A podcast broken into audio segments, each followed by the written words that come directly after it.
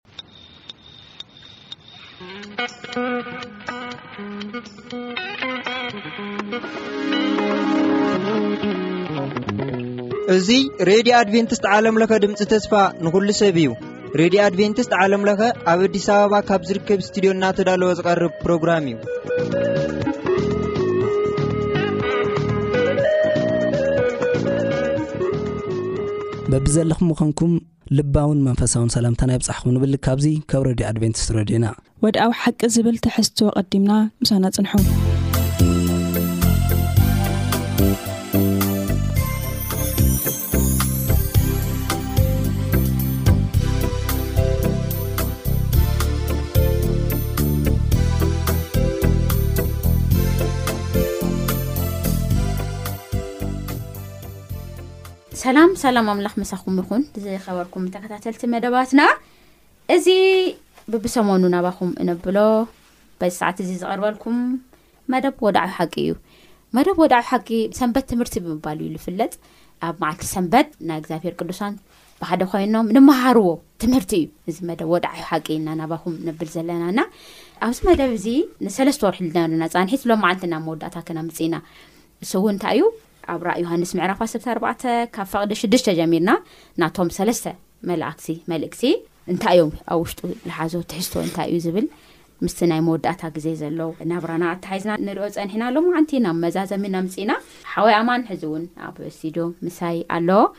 እስኹም ለብቢ ዘለኹም ሞኮንኩም ነዚ መደብ ትከታተሉ ዘለኹም ኣብ ከተማታት ይኹን ኣብ ገጠራት ይኹን ኣብ ውሽጢ ዓዲ ይኹን ኣብ ደገ ኣብ ብቢ ዘለኹም ኮንኩም ነዚ መደብ እዚ ትከታተሉና ዘለኹም ትሰምዑና ዘለኹም ንኣምላኽ በረኸት ሰላም ፀጋ ምሳኹም ክኸውን ፀሎትና ንትምኒትናን እዩ ሎም ዓንቲ ንሪኦ ሓሳብ ናይ መወዳእታ ሓሳብና ብክብሪ እግዚኣብሄር ምብራህ እዩ ዝብል ብክብሪ እግዚኣብሄር ምብራህ ብዝብል ሓሳብ ኢና ክንርኢ ዋና ጥቅስና ዝርከብ ኣብ ራእ ዮሃንስ ምዕራፍ 1ሸ ፈቅዲ ሓደ እዩ ከምዚ ይብል ድሕርዚ ኸኣ ዓብዪ ስልጣን ዘለዎ ካልእ መልኣክ ካብ ሰማይ ክወርድ ከሎ ረእኹ፣ ብኽብሩውን ምድሪ በርሀት ይብል። ድሕርዚ ኸኣ ዓብዪ ስልጣን ዘለዎ ካልእ መልኣክ ካብ ሰማይ ክወርድ ከሎ ረእኹ፣ ብኽብሩውን ምድሪ እንታይ ገበረት? በርሀት። በዚ ሓሳብ እዚ ሓቢርና ክንርኢ ኢና። ሕጽር ዝበለ ጸሎት ንገብር። እግዚኣብሔር ኣምላክና ነመስግነካ ብርሃንካ ኣብ ምድሪ ኮይኑ ብብርሃንካ ብርሃን ርኢና ብብርሃን ክንመላለስ ስለ ዝፈቐድካ ስለዚ ሓቂ ስለዚ ቃል ስለቲ ካብ ሰማይ ዝወረደ እንጀራ ኩሉ ነመስግነካ ተመስገን እግዚኣብሔር ኣምላክ እሞ ሕዚ ከዓ በዚ ቃል እዚ ክንነብር እግዚኣብሔር ኣምላክ እስካብ መወዳእታ ፀኒዕና በቲ ሓቂ ደው ክንብል ክትሕግዘና ንልምነካ ኣለና ሕዚ እውን ቃልካ ክግለፅ እዩ ንኣስር ሰለስተ ሰሙናት ወይ ከዓ ንሰለስተ ወርሒ ኣምሂርካና ኢኻ ናትካ ትምህርቲ ዝውዳእ ኣይኮነን ሰማይ ካይድና ዋላስ እግዚኣብሄር ኣምላክ ብዙሕ ኣቢልካ ከም ተምህረና ቃል ኣቲካ ኢካ እሞ ሰማውያን ክንከውን ናትካ ሐሳብ ተቀበልቲ ናትካ ተግባር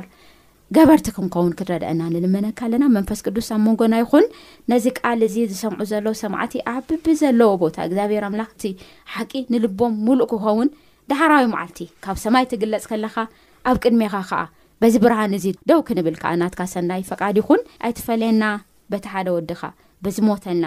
ብዝተንሰኣ ሰማይ ብዝኸደ እንደገና ተመልሱ ክወስደና ኢሉ ተስፋ ዝሃበና ቃል ዝሃበና ኣምላኽና መድሓኒና ኢየሱስ ክርስቶስ ንጽሊ ኣሜን ኣሜን ሕዚ ኣብቲ ዘንበብናዮ ሓሳብ ተልዒና ሲ ክንዳየነ ግዜ ኣብዚ ምድሪ ከም ንፀንሕ ኣይንፈልጥን ሕዚ ግዜ እዚ ዝነግረና ነገር ግን እቶም ዝተዘረቡ ነገራት ኩሎም ከዓ ከምቲ ቃሉ እንታይ ክፍፀሙ እዮም ይፍጸሙ እውን ኣለው ማለት እዩ ይፍጸሙ ኣለው ብፍጥነት ከዓ ክፍጸሙ ከም ዘለው ይመፁ ከም ዘለው ኣብ መደቂ ኣፍና ኳኳ ዝብል ድምፂ ንሰምዕ ከም ዘለና ክንርዳእ ንኤና ማለት እዩና እዚ ፈተና እዚ ዝመፅ ከዓ ኣብ ራብኣይ ትእዛዝ መሰረት ገይሩ እዩ ራብኣይ ትእዛዝ እንታይ ይብል እግዚኣብሄር ኣምላካ ሰማይን ምድርን ባህርን ዓይነ ማያትን ብሽዱሽተ መዓልቲ ፈጢሩ ሲ ብሸብዓይቲ መዓልቲ እንታይ ገይሩ እዩ ዓሪፉ እዩ እሞ እስኻ ዕረፍ ምስ ኣይ ኣምላኽ ልበሎ ኣይኮነን ኣነ ልበካ ተቐበል ዝብል ሓይሊ ይለዓል እዩ ክልተ ሓይልታት ኣለው ሓደ ሰማይን ምድርን ባሕርን ዓይኒ ማያትን ዝገበረ እግዚኣብሔር ንኡ ስገድ ዝብል ኣሎ እዚ መጽሓፍ ህይወት ኣብቲ እተ ሓርደ ገንሸል ሽሙ ዝተጻሓፈ እዩ ዝልገብር ባይዘወ ሰማይ ምድሪ ንዝፈጠረ ትእዛዛቱ ሓልዩ ምስኡ ልሰግር ኣበይ ዝጽሑፍ ይብለና ኣብቲ ናይ ህይወት መጽሓፍ ሽሙ እተጻሓፈ ከም ዝኾነ ኢና ንርኢ እቲ ናብቲ እቲ ሓርደ ገንሽል ሽሞም ዘይተጻሓፉ ግን እንታይ ገብሩ ይብል ነቲ ኣራዊትን ንምስሉን እንታይ ገብሩ እዮም ክሰግዱ እዮም ይብለና ብካሊእ ኣባሃላ እንታይ ማለት እዩ እቶም ንጐይታና ንመድኃኒና ኢየሱስ ክርስቶስ ክክተሉ፣ ትእዛዙ ንክሕልዉ፣ ምስኡ ንክመላለሱ፣ ዝተመደቡ ኩሎም ስሞም ኣበይ ተጻሒፉ ኣብ ሕይወት መስገብ ኣብቲ ናይ ገንሸል ተጻሒፉ ኣሎ ማለት እዩ እና እግዚኣብሔር ንኦም እንታይ ይገብር ይቃለስ እዩ እስካብ መወዳእታ እስከ ዋላ እስካብ ሞቶም እግዚኣብሔር ምስኦም እዩ ዝኸውን ካብ ሞት ኣተንስኡ ድማ ናይ ዘለኣለም ሂወት ክገብሮም እዩ ይብለና ማለት እዩና ስለዚ እቶም ትእዛዝ ኣምላኽ ዝህሉ ወይ ከዓ እቲ እምነት የሱስ ዘለዎም ዝተረጋገፀ ናይዚ ሰለስተ መልእክቲ መልእክሲ ዝተቐበሉ ከም ዝኾኑ መፅሓፍ ቅዱስና ይነግረና ኣማን ሓወይ ናባኻ ክመጸካ እሞ ጳውሎስ ንጢሞቴዎስ ክመክሮ ከሎ እንታይ ኢልዎ ኣብተን ዳሕረዎት መዓልትታት ኢሉ ኣብተን ዳሕረዎት መዓልትታት ሲ ክፉእ ዘመን ይመጽእ ኢሉ ክፉእ ዘመን ይመጽእ እዩ ይብል ጸበባ ዝበዝሖ ዘመን ሁከት ዝበዝሖ ዘመን ክመጽእ እዩ ኢሉ ነይሩና ነዚ መዓልቲ እዚ ከመይ ጌርና ኢና ክንዳለው ዝተነገረና መጠንቀቅታ እንታይ እዩ? ቀዳማይ ጠሰሎንቄ ምዕራፍ ሓሙሽተ ካብ ሓደ ክሳብ ሽዱሽተ ከምዚ ዝብል ሓሳብ ኣለዎ፣ ንሱ ድማ ግናኸ ኣሕዋተይ እታ መዓልቲ ጎይታ ከም ሰራቂ ኮይና በለይቲ ከም እትመጽእ ባዕልኻትኩም ኣርጊጽኩም ትፈልጡ ኢኹም። ብናይ ዘመናትን ግዜታትን ክንጽሕፈልኩምሲ ኣየድልየኩምን እዩ። ሰባት ማለት ሰላምን ደሓንን እዩ ክብሉ ከለዉ ንጥንስቲ ቀለልዋ ከም ዝሕዛ ሽዑ ጥፍኣት ብድንገት ይመጾም ከቶውን ኣይከምልጡን እዮም። ንስኻትኩም ግና ይብል ቁጽሪ ሓሙሽተ ቀዳማይ ተሰሎንቄ ምዕራፍ ሓሙሽተ ማለተይ እየ ኩላትኩም ደቂ ብርሃን ደቂ መዓልቲ ኢኹም እሞ እታ መዓልቲኣ ከም ሰራቒ ከይትመጸኩምሲ ኣብ ጸልማት ኣይኮንኩምን ዘለኹም ንሕና ናይ ለይትን ናይ ጸልማትን ኣይኮንናን ይብል ማለት እዩ ስለዚ ኣብዛ ሓሳብ እዚኣ ዝብላ ዘሎ ጳውሎስ ብሓጺሩ ዝነገሮም ዘሎ ቃል እንታይ ክገብሩ እዩ ክነቕሑ እዩ ናይ መጀመርያ ሓሳብ ማለት እዩ ደቂ ብርሃን ኢኹም ስለዚ ንቕሑ፣ ብንቕሓት ናይ ክርስቶስ ዳግም ምምጻእ ተጸበዩ እዩ ዝብለና ዘሎ። ንስኻትኩም ደቂ ብርሃን ኢኹም፣ ደቂ ጸልማት ኣይኮንኩምን፣ ብርግጽ ግን ንቕሑ። ደቂ ብርሃን ኮንካ ትድቅስ ተደኣ ኮንካ፣ ደቂ ብርሃን ተኾንካ ኮይነ ኢልካ ካብ እግዚኣብሔር ፍቓድ ትወጽእ ተኾንካ፣ ምንም ዋሕስ የብልካን፣ ብገዛእ ርእስኻ ትጠፍእ ኣለኻ እዩ። ስለዚ ኣየናይ እዩ እቲ ግዜታት ዝብሎ ዘሎ ክብለና ከሎ ኣብዚ ሓሳብ እዚ ኣብ ዳንኤል ምዕራፍ ክልተ ትንቢት ተዘርበ ነገራት ኣሎ። ድሕሪ ባቢሎን ሜዶ ፋርስ ክመጽእ እዩ፣ ድሕሪ ሜዶ ፋርስ ግሪክ ክመጽእዩ ድሕሪ ግሪክ ሮማ ክመጽእዩ ድሕሪ ሮማ ድማ ተኸፋፈለ ናይ ኤሮጳ መንግስታት ክመጽእዩ ድሕሪኡ እቲ ናይ ክርስቶስ ዳግም ምጽኣት ወይ ድማ ምላስ ከም ዝመጽእ ይዛረበና ሕጂ እዚ ኩሉ ሓሊፉ እዩ ዝብሎም ዘሎ ጳውሎስ ኦልሞስ ናብ ናይ መወዳእታ ግዜ በጺሕና ኣለና ክርስቶስ ዝመለሰሉ ክርስቶስ ኣብ ዝመለሰሉ እዋን ናይ ምሕረት በሪ ዝዕጸወሉ ግዜ። ሽዑ ኣብቲ ግዜ እቲ ክርስቶስ ኣብ ዝመጸሉ እዋን ጎይታ ይቕረ በለኒ ኣነ ንዓይ ተጋግየ ነይረ ኢልካ ንስሓ ዝእተወሉ ኣይኮነን። ቀዲሙ ናይ ምሕረት በሪ ይዕጾ'ዩ። ስለዚ ገና ከይተዓጽወ ገና ብህይወት ከለና ከይሞትና እንታይ ክንገብር ክንከል ኣለና? ንስሓ ክንኣቱ፣ ክንነቅሕ፣ ከም ፍቓድ ኣምላኽ ክንመላለስ እዩ ዘለና። ነታ መዓልቲ እቲኣ ክንዳሎ እዩ ዘለና። ፍቓዱ እናገበርና፣ ቃሉ እናሰማዕና፣ ንዕኡ እናመስገና፣ እቲ ዝተዋህበና ዕዮ እውን እናሰራሕና ክንዳሎ እዩ ዘለና እዩ። እቲ ዋና ሓሳብ እሞ ምድላው ኣገዳሲ እዩ ንናይ ክርስቶስ ዘይተዳልዎ ኣብቲ ግዜ እቲ ልክዓ ማቴዎስ ምዕራፍ 25 ከምቲ ዝክርዮ ብዛዕባ ዓሰርተ ደናግል ክዛረበና ከሎ እተን ሓሙሽተ ደናግል እንታይ እን ኮይነን ተዳልየን ኣብ ጢንአን እውን ዘይቲ ነይርወን ንድሕሪኡ ተረፍ ዘይቲ እውን ሒዘን እየን መፅኤን ነቲ መርዓዊ ድማ ክመፅእ ከሎ እንታይ ገይረንኦ ተቐቢለኖ በቲ ተረፍ ነበረን ዘይቲ ገይረን ተቐቢለኖ እተን ሓሙሽተ ግን ተን ሰነፋት ዓያሹ ደናግል ግን ይብለና መጽሓፍ ቅዱስ ኣይተዳለዋን ኣብ ጢኒኤን ዝነበረ ዘይቲ ጥራሕ እምበር ኤክስትራ ዘይቲ ተተወደአ ከዝብል ዝሓዘኦ ይነበረን ስዕኡ ኣብቲ ኣጋ የሱስ ክርስቶስ ክመጽእ ከሎ ይመጽእ ኣሎ ተባሂሉ ድምፂ ተሰሚዑ ኢለን ወፅኤን ዘይቲ ክገዝኣን እቲ ብርሃን እውን ከብርሃ ነገር ግን ብፍጹም ከርክባ ኣይከኣላን እቲ በሪ ውን ከም ተዓጽወን ኢና ንርኢ ትዕድለን ውን ማለት እዩ so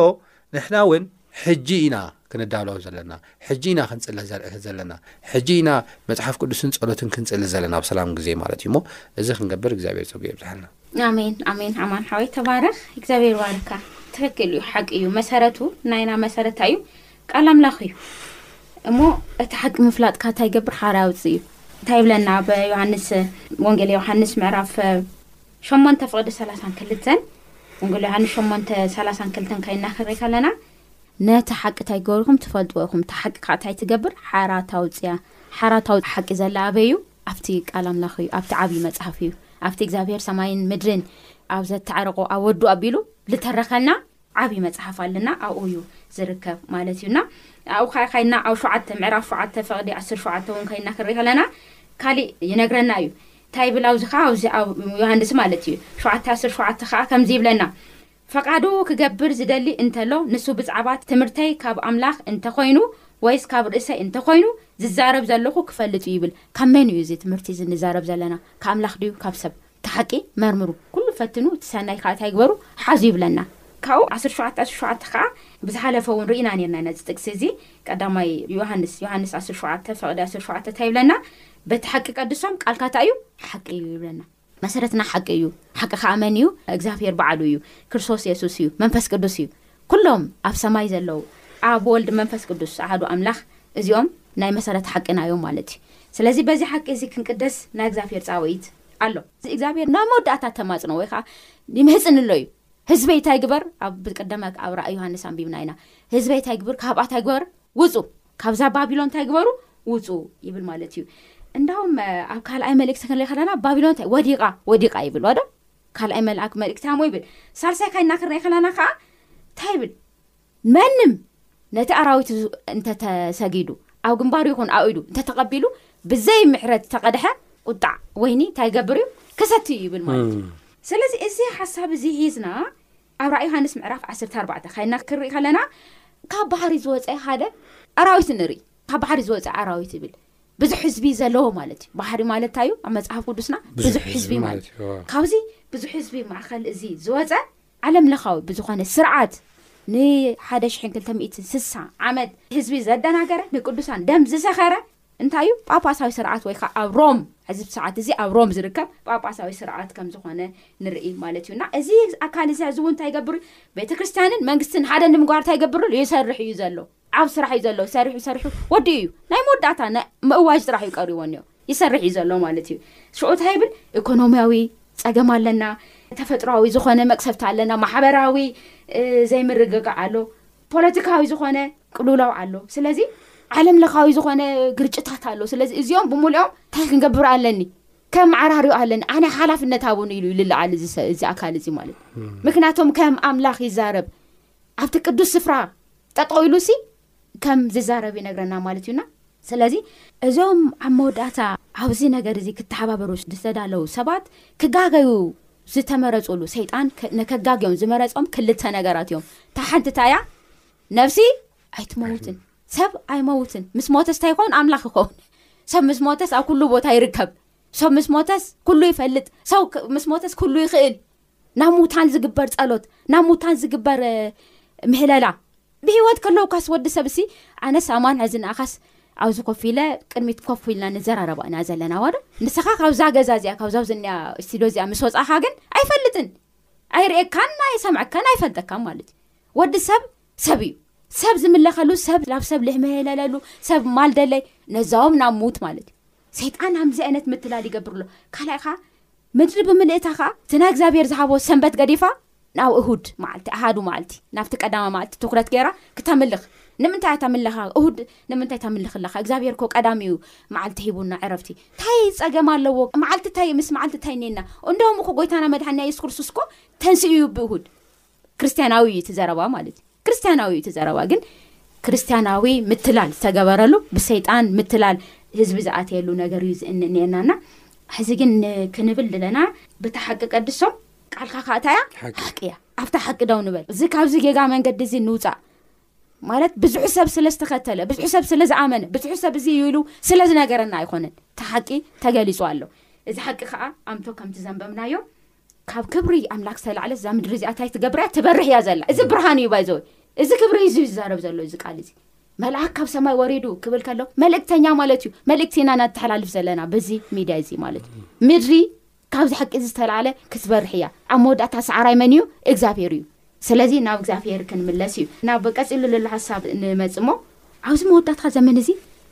ማለት ኣማራጺ ዘይብሉ ህዝቢ ኣምላክ ክክተሎ ዘለዎ መንገዲ ኣሎ እንታይ እዩ እሱ። ሐራይ እግዚኣብሔር ይባርኪ ብጣዕሚ ደስ ዝብል ሓሳብ ኢኺ ሂብክና ሓፍትና ቹቹ ኣብ መወዳእታ ግዜ እግዚኣብሔር ንዕኡ ዝኾኑ ሰባት ከም ዘልዕል ልክዕ ኣብ ሽሕን ሸሞንተ ሚእትን ኣርባዓን ኣርባዕተን ኣከባቢ ዝነበሩ ናይ ተሃድሶ መራሕቲ ከም በዓል ዊልያም ሚለር ከምኡውን ካልኦት ቅድሚኦም እውን ከም ዝነበሩ ከም በዓል ጆን ሃስ ማርቲን ሉተር ከምኡውን ካልኦት ካልኦት ናይ ተሃድሶ ሰበኽቲ ኣብ መወዳእታ ዘመን እውን እግዚኣብሄር ከም ዘልዕል እዩ ዝነግረና ማለት እዩ እዞም ሰባት እዚኦም ብመንፈስ ቅዱስ ብምምራሕ ወንጌል ዘላ ዓለም ዝበፅሑ ወንጌል ከም ዘባፅሑ ይዛረበና ብፍላይ ድማ እዞም ሰባት እዚኦም መን እዮም ኢልና ንካልእ ክነቋምት ኣይኮነ ንሕና እውን ክንከውን ንኽእል ኢና እንተ እግዚኣብሄር ተዳልና ንሕና መንፈስ ቅዱስ ክህበና ክእል እዩ ንካልኦት ንበረኸት እውን ክገብረና ክእል እዩ እሞ በዚ መልክዕ እዚ ንሕና እውን ክንከውን ንኽእል ኢና ስለዚ እንታይ እዮም ዘመሓላልፉ እንተ ኢልና መወዳእታ ግዜ ናይ ሰለስተ መላእኽቲ መልእኽቲ እዩ ኣብ ራእይ ምዕራፍ ዓሰርተ ኣርባዕተ ካብ ሽዱሽተ ክሳብ ዓሰርተ ክልተ ኢንፋክት እናረኣናዮ ዘለና እቲ መጽሓፍ እውን ዓለም ለኻዊ መልእኽቲ እዩ ዝሰለስተ መላእኽቲ መልእኽቲ ኢና ንብል ዘለና ኣብ ራእይ ምዕራፍ ዓሰርተ ኣርባዕተ ካብ ሽዱሽተ ክሳብ ዓሰርተ ክልተ ዘሎ ሓሳብ ማለት እዩ እሞ እዚ ከም ዝሰብኩ እዚ ከም ዝዛረቡ ዓለም ከም ዝብፅሑ ይዛረበና እዚ ክገብሩ ከለዉ ግን ከምቲ ዓንቶይ ደጋጊምኪ ትጠቕስያ ዘለኺ ኣብ ራእይ ምዕራፍ ዓሰርተ ሸሞንተ ኣብ መእተዊ ጥቕሲ እውን ዘንበብክያ ድሕርዚ ከኣ ዓቢ ስልጣን ዘለዎ ካልእ መልኣኽ ካብ ሰማይ ክወርድ ከሎ ረኤኹ ብኽብሩ እውን ምድሪ በርሀት ይብለና እታ ምድሪ ብኽብሪ እግዚኣብሄር ከም ትመልእ እታ ምድሪ በቃ እግዚኣብሄር እግዚኣብሄር ከም ትሸትት እግዚኣብሄር ፍትሓዊ ከም ዝኾነ እግዚኣብሄር ሓቀኛ ምዃኑ እግዚኣብሄር ፈቃር ምዃኑ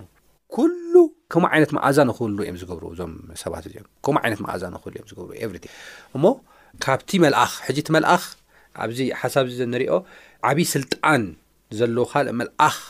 ይብለና እዚ መልኣኽ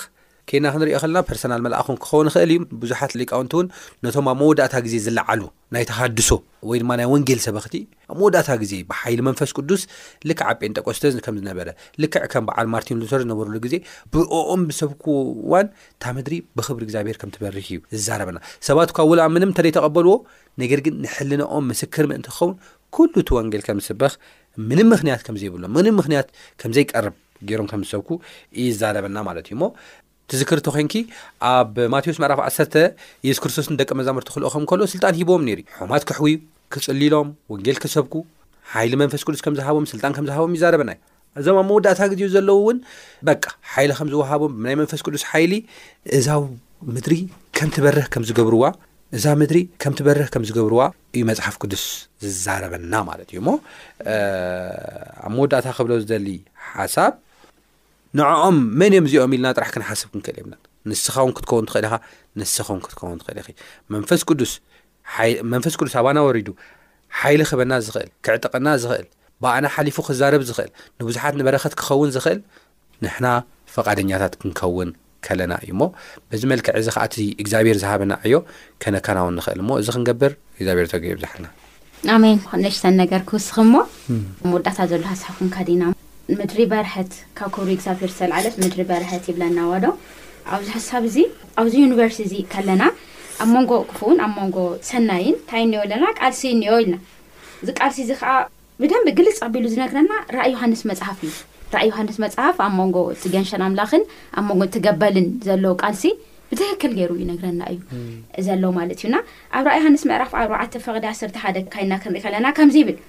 እቶም ዕስራን ኣርባዕተን ሽማግለታት ኣብ ቅድሚቲ ኣብ ዙፋን ተቐሚጡ ዘሎ ፍግም ኢሎም ወ ጎይታና ኣምላኽናን ናብ ዘሎ ንስኻ ፈጠርካ እዩ ስለ ፈቃድካ እውን ኮይኑን ተፈጢሩን እዩ እሞ ንስኻ ክብርን ስብሓትን ስልጣንን ንሙሳድ ብቑዕ ኢኻ እናበሉ ነቲ ንዘለኣለም ህያው ኮይኑ ዝነብር እናሰገዱ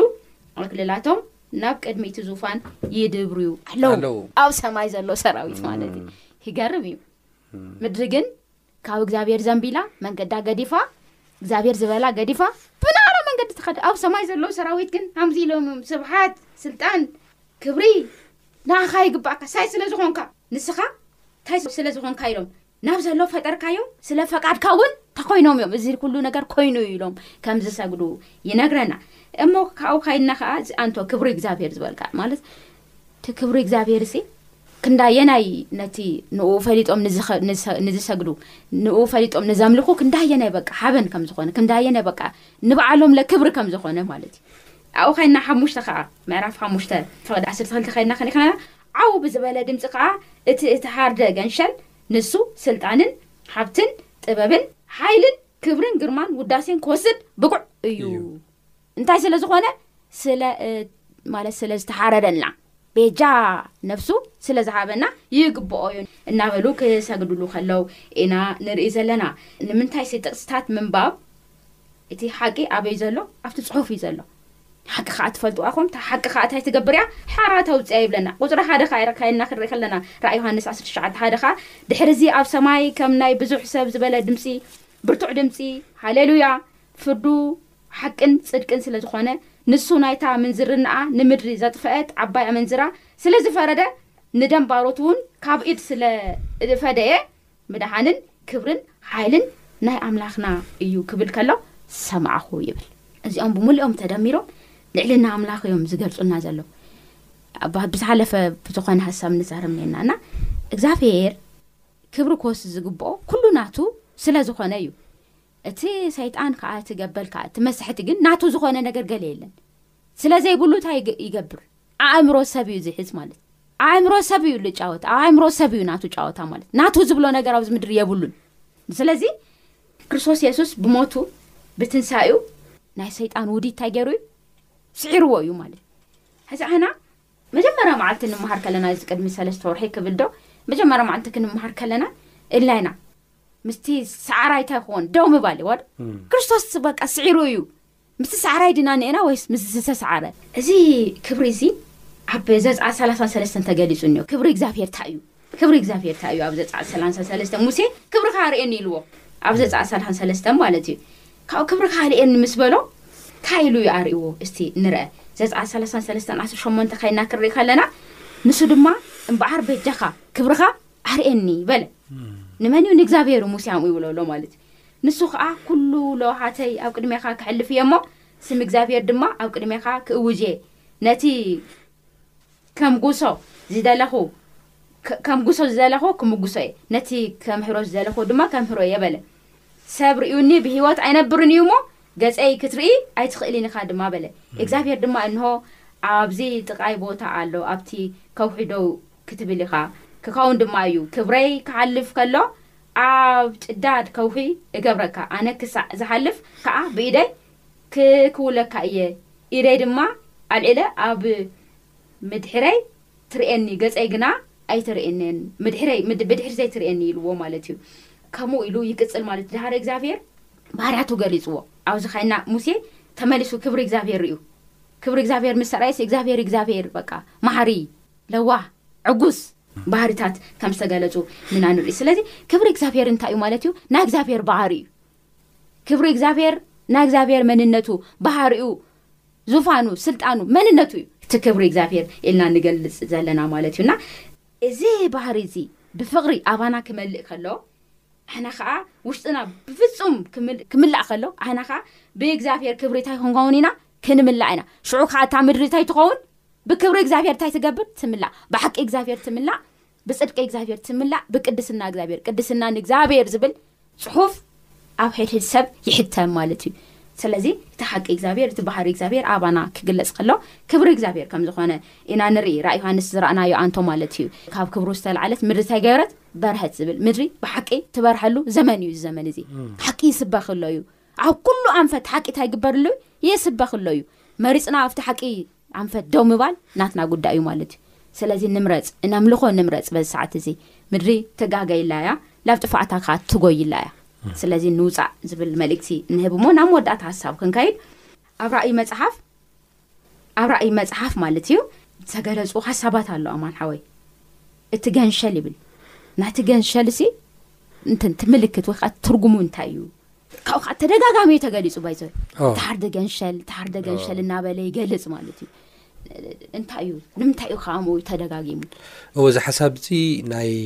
ናይ ሎማዓን ትምህርትና መጠቃለለ ጥራሕ ዘይኮነ ናይ ሙሉእ ሰንበት ትምህርቲ ሓሳብ መጠቃለለ እዩ ራእይ ዮሃንስ ከምቲ ዝረኣናዮ ሰለስተ መልእኽትታት ከም ዘሎ ኣብ መወዳእታ ግዜ እውን እቲ ጳጳስ ከም ቁስሊ ከም ዝሓዊ ንብዙሓት እውን ከም ዘሳድድ ይዛረብ እዩ መጽሓፍ ቅዱስ ግን እዚ ኩሉ ሓቅታት ኣብ ራእይ ዮሃንስ ገሊጹ ጥራሕ ኣይተረፈን መከራ ኣሎ ስደት ኣሎ ዓቢ ስትራግል ኣሎ ዓቢ ቃልሲ ኣሎ ጥራሕ ኢሉ ኣይተረፈን ብተደጋጋሚ ከም ዝበልክዮ ብዛዕባ እቲ ገንሸል ተዛሪቡ እዩ እቲ ገንሸል ኣየናይ ገንሸል ጥራሕ ዘይኮነሲ ብዛዕባ ስፐስፊካሊ ብዛዕባ እቲ ተሓርደ ገንሸል ብተደጋጋሚ ኦልሞስት በብምዕራፉ ተበልና ብዘይምግናን ሓቂ ይኸውን እዩ በቃ በብምዕራፉ ሲ ተተሓርደ ገንሸል ሲ ኣሎ እዩ ኦልሞስት ኣብ ኩሉ ተሓርደ ገንሸል ተሓርደ ገንሸል ተሓርደ ገንሸል እናበለ ዝገልጹ ሓሳብ ኣሎ እንታይ እዩ እቲ ትርጉሙ እንታይ እዩ ንምንታይ እዩ ከጽሒፍዎ እዚ ኩሉ ሰለስተ ወርሒ ዝረኣናዮ ዘጽናዕናዮ መጽሓፍ ብዛዕባ ዝሰለስተ ዓለም ለኻዊ መልእኽቲ ናይ ኣምላኽ ኣብ ዝመሓላለፈሉ እዋን ኣብ ዝረኣናዮ እዋን እሞ ከዓ ናይ ራእይ ዮሃንስ ጥራሕ ዘይኮነ ናይ መፅሓፍ ቅዱስ ማእኸል ዝኾነ ዝተሓርደ ገንሸል ንምንታይ ይፅሒፍዎ እንብለሉ እዋን እቲ ምስጢር ሓደን ሓደን እዩ ብመጀመርያ እቲ ተሓርደ ክንሸል ዝብሎ ዘሎ ንቲ እተሰቕለ ስለ ሓጢኣትና ክብል ስለ በደልና ስለ ዓመፅናን ስለ ክፍኣትናን ክብል ኣብ መስቀል ቀራንዮ ስለተሰቕለ እየሱስ ክርስቶስ እዩ ዝዛረብ ገና ሓጢኣተኛታት ከለና ገና ክፉኣት ከለና ገና ካብኡ ርሒቕና ከለና ስሌና ግን ዝሞተ ስለቲ ዘፍቀረና ስለቲ ዝርህርሃልና ጎይታ እዩ ዝዛረብ ዘሎ መጀመርያ ንሱ ጥራሕ ዘይኮነ ኣብዚ ዓብ ቃልሲ ውሽጢ ዘለና ሰባት ብብዙሕ ፈተናን ብብዙሕ መከራን እንሓልፍ ዘለና ሰባት እውን ብሕታዊ ተስፋና ንሱ እዩ ክንወፅኣሉ ንኽእል ካብ ዝገጠመና ፈተና ካብ ዝገጠመና መከራ ካብ ዝገጠመና ሽግር ኢቭን ካብ ዝገጠመና ናይ ዘለዓለማዊ ሞት ካብ ሞት እዩ ዝብለኪ ዘለኹ ከነምልጠሉ ንኽእል ብሕታዊ መንገዲ ንሱ ጥራሕ እዩ ኢሉ እውን እዩ ኣብ ዮሃንስ ወንጌል ምዕራፍ 17 ፍቅዲ 6 ኣነ መንገድን ሓቅን ህይወትን ብዘይ ብኣይ ናብ ኣቦ ክትበፅሑ ትኽእሉ ኢኹም ኢሉ እዩ ኢሉ እውን እዩ ዘፀናንዓኩም ኣነ ኢሉ እዩ ሓይሊ ዝበኩም ኣነ ኢሉ እዩ ስለዚ ብሕታዊ ተስፋ ናይ ደቂ ሰባት ኣብዛ ኣዝያ ተጨነቕ ዓለም ኣብዛ ኣዝያ ብክፍኣት ተመልአት ዓለም ብሕታዊ ተስፋ ዘዕርፈና፣ ሰላም ዝህበና፣ ሓይሊ ዝህበና፣ ዝመርሓና፣ ናብ ልሙዕ ሸኻ ዝመርሓና፣ ዝከላኸለልና፣ ስለ ጸላእትና ቆይሙ ዝዋግኣልና ብሕታዊ ተስፋና ኢየሱስ ጥራሕ ስለ ዝኾነ እዩ። ስለዚ ሰባት ኣብ ማእከል ዝመከራ ኮይኖም ንኢየሱስ ክርእዩ እሞ ከኣ እተተሰቕለ ኢየሱስ ክርእዩ ኣብኡ ክእመኑ ብመንገዱ እውን ክኸዱ ይግባእ እና እዚ እየ ክብል ዝደሊ። ኣሜን ኣሜን ኣሜን እግዚኣብሔር ይመስገን እግዚኣብሔር ሽም ተመስ- ሽም ኣምላኽ ዝተመስገነ ይኹን ናይ ሎማዓንቲ ትምህርትና እዚ እዩ ዝመስል ንማዓንቲ ትምህርትና ጥራሕ እንተዘይኮነስ ከም ትሕዚ ዝበልካ ኦማን ሓወይ ንሰለስተ ኣዋርሕ ዝተማሃርናዮ ትምህርቲ በዚ ጠቕሊልና ኢና ኣብ ቀፃሊ ከዓ ሓድሽ ኣርእስቲ እንደገና ሰለስተ ወርሒ ፃንሒት ክንገብር ኢና ኣብ ራእይ ዮሃንስ ምዕራፍ 13 ፍቕዲ 8 ከምዚ ይብል እቶም ካብ ምስራቅ እቶም ካብ ምስራት ዓለም ጀሚሩ ስሞም ኣብቲ ናይቲ እተሓር ደገንሸል መጽሃፍ ህይወት ዘይተጻሕፈ ኣብ ምድሪ ዝነብሩ ኩላቶም ክሰግዱ እዮም ይብል ማለት እዩ። ሽምና ኣበይ እዩ ተጻሒፉ ዘሎ? ኣብቲ እተሓር ደገንሸል መዝገብ ድዩ ወይስ ኣብቲ ኣራዊት ወይ ከኣ ኣብቲ ገበል ኣብቲ ናብ ዘሎ እዛ ምድሪ ዘስሕታ ዘሎ ሽምና ኣበይ ከም ተጻሕፈ ክንፈልጥ እታ ሓቂ ክትፈልጡ ኣይኹም እታ ሓቂ ከኣ እንታይ ትገብር ሓራ ታውጻእኩም እዩ ሓቂ ተገሊጹ ኣሎ መሪጽና በቲ ሓቂ ምምላስ ናትካ ናትና ምርጫ እዩ ኣይ ኣይደልን እቲ ሓቂ ተልና ከኣ እግዚኣብሄር ናይ ምርጫ ኣምላኽ እዩ ዓና ከኣ እቲ ዝተገለጸ ሓቂ ብርሃን እግዚኣብሄር ዝገለጸልና ኣብሪህናልኩም እኔና ብብርሃን እንተ ተመላሊስኩም መንግስቲ ኣምላኽ ኣብ ቅድሜና ኣላ ኣይ ብርሃን ኣይደልን ንዝበለ ከኣ ትገ እቲ ጸላኢ ነፍሲ ዘኮነ ሰይጣን ናብ ሞት ዝመርሐሉ ዘመን ኢና ኔና እግዚኣብሔር ኣምላክ ሽምና ኣብቲ ናይ ሓቂ ኣብቲ ናይ ህይወት መስገብ ጽሑፋት ክንከውን ሰናይ ፈቃዱ ይኩን ንሕና ውን ንባዕልና ንጽሊ ነዚ ቃል እዚ ንትሰምዑ ዘለኩም ኩሌኩም ሽምኩም ኣብቲ ናይ ህይወት መስገብ ኣብቲ ናይ ገንሸል ናይ ዘላለም ህይወት መስገብ ክጽሓፍ ትምኒትናን ጸሎትናን እዩ እግዚኣብሔር ኣምላክ ምስ ኩላትና ይኩን ኣብ ዝቅጽል ብካሊእ ሓድሽ ኣርእስቲ ክሳብ ንራከብ ሰላም ኩኑ እናበልና ሕቶ ሪኢቶ ዘለኩም ኣድራሻና እነሆ ንብለኩም ቴለፎን ቁፅርና ዜሮ ትሽዓተ ዓሰርተ ዓሰርተ ኣርባዕተ ሓምሳን ሓደን ዜሮ ሓሙሽተ ወይ ድማ ዜሮ ትሽዓተ ዕስራን ሓደን ሰማንያን ሸሞንተን ኣርብዓን ትሽዓተን ዓሰርተ ክልተ ካብዚኦም ብሓዲኦም ፀሓፉልና ወይ ደውሉልና።